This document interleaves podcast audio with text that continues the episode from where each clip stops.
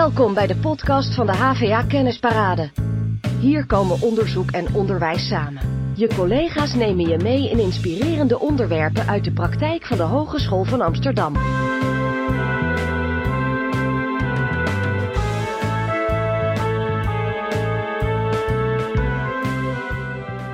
Begrijpen wij elkaar eigenlijk wel? Deze podcast is een tweegesprek van Rick Kwekkenboom en Lisbeth Verkuil. In het gesprek geven wij uitleg over het onderwijsaanbod rond bejegening van mensen met onbegrepen gedrag. Dit onderwijsaanbod is mede door de HVA opgezet. Daarin werken we samen met ervaringsdeskundigen, de beroepspraktijk en het onderwijs van het HBO en het MBO. Mensen met onbegrepen gedrag, ze zijn vaak in de media. Over wie hebben we het dan?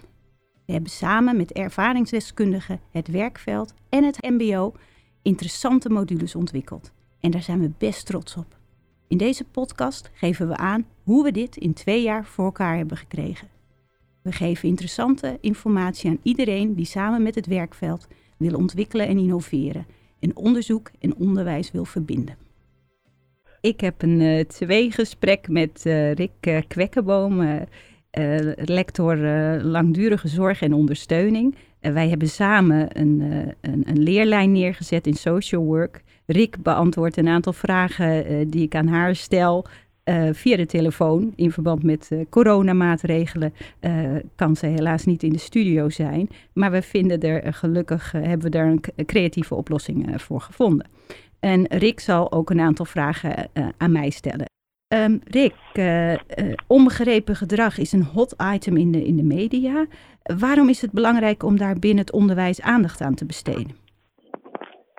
Um, er waren twee redenen voor mij. Ten eerste uh, ergerde ik mij aan de manier waarop onbegrepen gedrag in de media aan de orde kwam. En ik wilde dat daar een andere, dat de beeldvorming op mensen die wij niet begrijpen verandert. En daarnaast weet ik dat uh, zeker ook sociaal werkers vaak geroepen worden of in aanraking komen met mensen die onbegrepen gedrag vertonen. En ik wilde hen ook uh, mee aanleren dat door een andere bejegening, een respectvolle bejegening, een beter begrijpen van waarom mensen dingen doen die wij niet begrijpen, de hulpverlening en de ondersteuning ook beter kan worden. Ja, precies. Want dat is belangrijk, dat die ondersteuning beter wordt. En wat je zegt, je wilde dat vooral de studenten van social work um, aanleren of dat meegeven. En daardoor is er een leerlijn binnen de hele opleiding gekomen, hè? van jaar 1 tot jaar 4. Um, ja. Jij hebt daarvoor ZonMW-subsidie aangevraagd. Wat was je doel met die aanvraag en wie waren daarbij betrokken?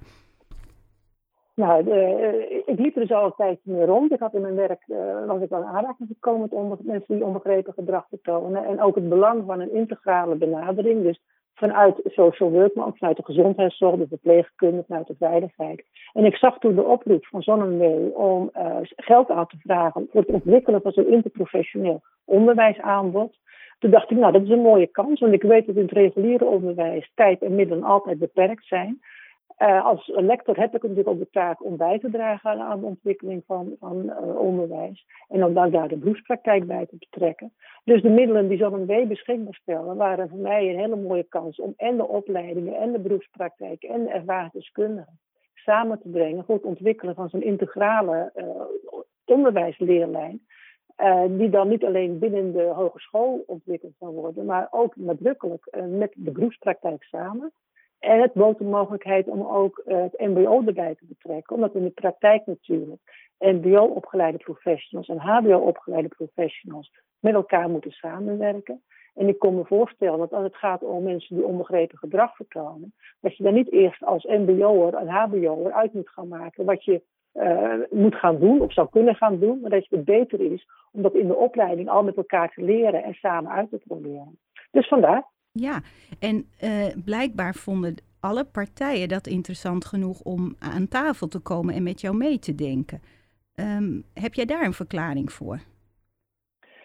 Ja, ik denk dat de mogelijkheid en de uitnodiging vanuit een, een, een HBO naar die praktijkorganisaties en naar het ROC, om dat nou eens gezamenlijk aan te pakken. En ook van begin af aan van, nou, we, we gaan over de opleidingsgrenzen heen, over de, de de grenzen van de, diverse praktijkorganisaties heen. Dat is voor iedereen eigenlijk wel een, antwoord was op een, een, een vraag waar ze zelf tegenaan liepen. Omdat zij in de praktijk merken ze natuurlijk ook wel van ja, je kunt het niet alleen vanuit of alleen social work, of alleen vanuit verpleegkunde, of alleen vanuit de politie aanpakken.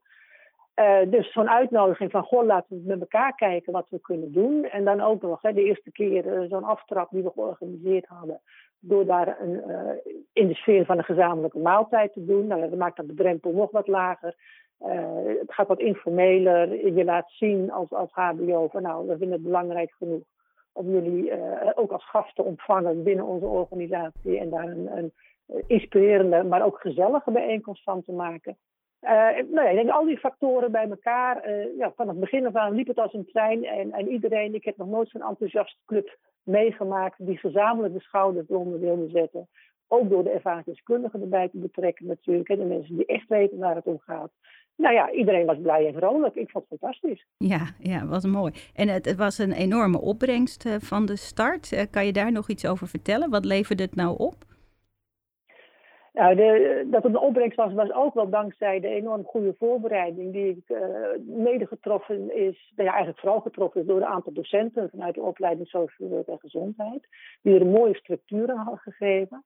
En we hebben in die, eerste bijeenkomst, startbijeenkomst, echt door iedereen geïnventariseerd van waar loop je tegenaan?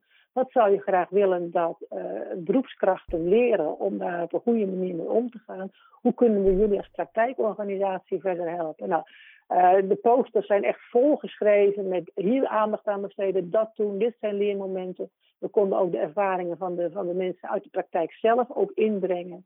Uh, iedereen was ook bereid om mee te werken, om de, colleges te geven of opnames te laten maken, om in een college aan studenten van uh, HBO en ook het MBO mee deel te geven. De docenten van het MBO waren bereid.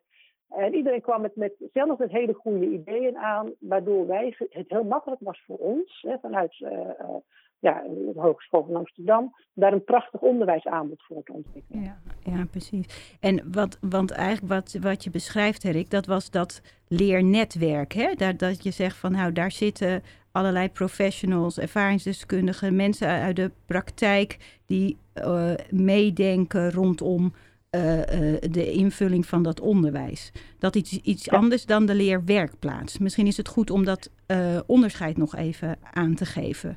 Wat is nou ja. het verschil? Het leernetwerk is dus inderdaad dat samenwerken met opleidingen en beroepspraktijk. Maar dat kan op verschillende manieren. Dat kan ook betekenen dat je de beroepspraktijk binnen de muren van je opleiding haalt door ze een gastcollege te laten geven of uh, een keertje een, een, filmopname te laten maken. Maar we hebben binnen het leernetwerk ook een gezamenlijke leerwerkplaats van de grond getild. Daar kregen we extra geld voor van zo'n mee. En daar, dat maakt het mogelijk om niet alleen de studenten, maar ook de docenten in de beroepspraktijk uh, mee te laten draaien, zodat de studenten al tijdens de opleiding leren hoe het in de beroepspraktijk toegaat. Dus eigenlijk een soort van een verrijkte stage. Maar daarnaast ook de docenten vanuit uh, zowel de Hogeschool van Amsterdam als de deelnemende ROC's, ROC van Amsterdam, ROC Top, dat die ook in de beroepspraktijk meedraaien en daar dus ook verse kennis op doen van hoe het in de praktijk eraan toe gaat. Zodat de docenten ook weer leren uh, van, uh, oh, hoe moet ik in kunnen, hoe moet ik inspelen in mijn onderwijsaanbod op actuele situaties en de praktijksituaties die zich voordoen, uh, de mensen die in de wijk wonen, onbegrepen gedrag vertonen. Hoe kunnen wij daar dan ook als docenten beter kennis over verzamelen en die in de opleiding terugbrengen? Ja. Dus het is een wisselwerking. Zo'n leerwerkplaats is echt een wisselwerking tussen beroepspraktijk en beroepsopleidingen. Ja, precies. En um, dat doen wij op dit moment in twee wijken hè? in Amsterdam. En um, dit is verbonden aan Social Work jaar 2, uh, de praktijklijn uh, onder andere. Ja. En in het MBO zit het eigenlijk volgens mij door het hele curriculum heen. Dus zij hebben het heel mooi verankerd op, uh, door het hele curriculum. Dus dat is nog wel een mooie uitdaging misschien. Um, ja. goed, Rick. Um, ik zit even te kijken. Ja, er, staan een, uh, er staat nu een leerlijn hè, voor keuzemodule in jaar 1 uh, social ja. work. We hebben de leerwerkplaats in jaar 2 met die praktijkplekken in de wijken. En er is een minor in jaar 2, uh, sorry, in jaar 4. Een minor de afgelopen jaar is gestart. Ja. Ook samen met het uh, AD-traject, uh, die hebben daar ook een deel kunnen nemen, de studenten van het AD-traject. En er gaat de komende periode ook nog een afstudeerder aan de slag. Dus je zou kunnen zeggen, ja. zit, we zitten aardig verweven door, door de hele opleiding ja. social work. En wat mij daarbij opvalt, Liesbeth, als ik je mag onderbreken, uh, dat er enorm veel belangstelling was van studenten vanaf het begin om zich in te schrijven. Ze konden er allemaal voor kiezen. Hè. De koosmodule in jaar 1, uh, deelnemende leerwerkplaats en in jaar 2. En ik kreeg te horen via jou dat ja. daar dus heel veel belangstelling van was. En dat vond ik natuurlijk leuk om te horen, maar ik zou wel graag van jou willen weten. Heb jij nou enige idee wat dat wat, ja, hoe we dat succes kunnen verklaren. Ja. Want jij hebt beter zicht op wat studenten beweegt dan ik natuurlijk. Ja, nou ja, wat, wat ik eigenlijk ook al in, in aansluiting op wat jij zegt, hè, juist de, de, de, de aantrekkelijkheid ook voor studenten is dat die, dat die praktijk zo vertegenwoordigd is in het programma. Um, het is inderdaad zo dat de minor die zat binnen no time uh, vol uh, toen de inschrijvingen open gingen. En ook uh, de keuzemodule in jaar 1 was heel snel vol. En we hadden vorig jaar twee groepen gedraaid en dit jaar gaan er vier groepen draaien. Dus um, en ik denk het aantrekkelijke is in ieder geval, het is een actueel thema. Uh, studenten voelen, voelen toch op een of andere manier van... hé, hey, er is iets gaande in de maatschappij en daar vind ik iets van... en daar wil ik meer van weten. Um, en uh, het is een programma waar veel uh, professionals aan het woord komen. En dat is denk ik wel ook heel belangrijk... dat studenten dat zien in de programma's. Um, wat we ook voor uh, bijvoorbeeld de minor jaar 4 uh, hebben gedaan, is dat die studenten ook echt in die praktijk aan de slag gaan met reële uh, onderzoeken, onderzoeken van opdrachtgevers, de ehm, cliëntbelang. Uh, de politie uh, heeft onderzoek, uh, heeft onderzoek laten doen door onze studenten. En er is ook een, een, een, een, nou ja, kunstenares die, die aandacht geeft aan psychoses. En ook onze studenten mee heeft laten denken ten aanzien van een aantal projecten van haar. Um, dus die praktijk die die studenten voelen, daar zit ook een stukje urgentie. Wij willen iets betekenen voor mensen met onbegrepen gedrag. Um, en dat hoor ik ook wel terug van de studenten. Dat ze ook in die minor echt iets kunnen betekenen voor deze doelgroep.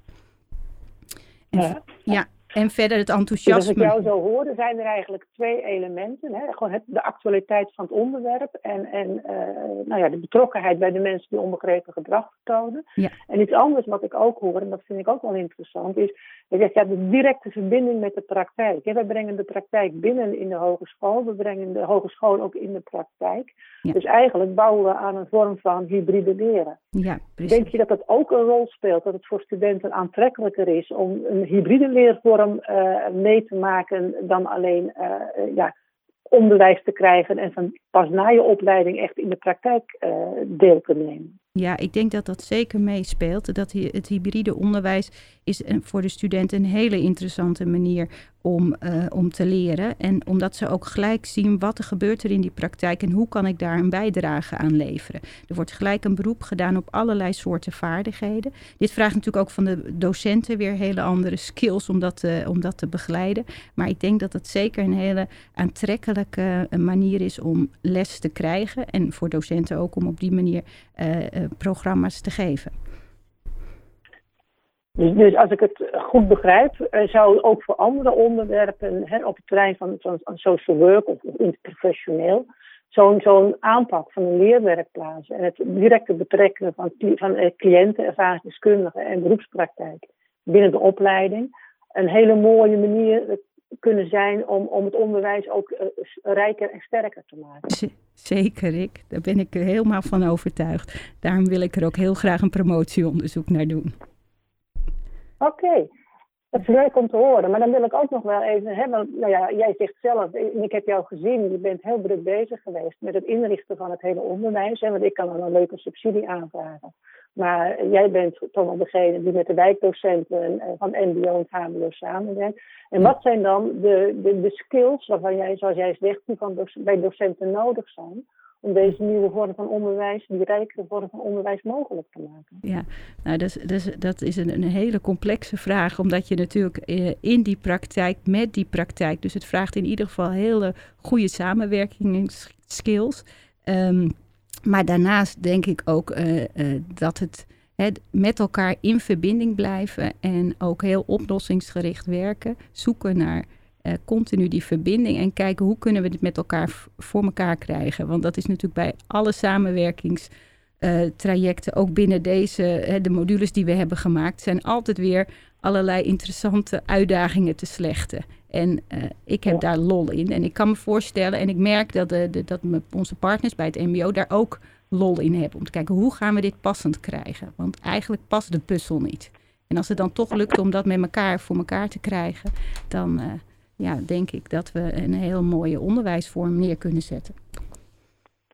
Ja, dat is natuurlijk heel mooi. En eh, dat we dan eigenlijk, juist met een, een groep, een hele kwetsbare groep in de samenleving, hè, mensen die gedrag vertonen waarvan wij niet weten wat de achtergrond is, ja. die op die manier om aandacht vragen, dat we op deze, door deze groep al deze manier van onderwijs kunnen ontwikkelen, vind ik eigenlijk toch dan heel, nou, daar mogen we best wel trots op zijn. Dus dat vind je niet? Ja, daar ben ik ook best trots op, Rick.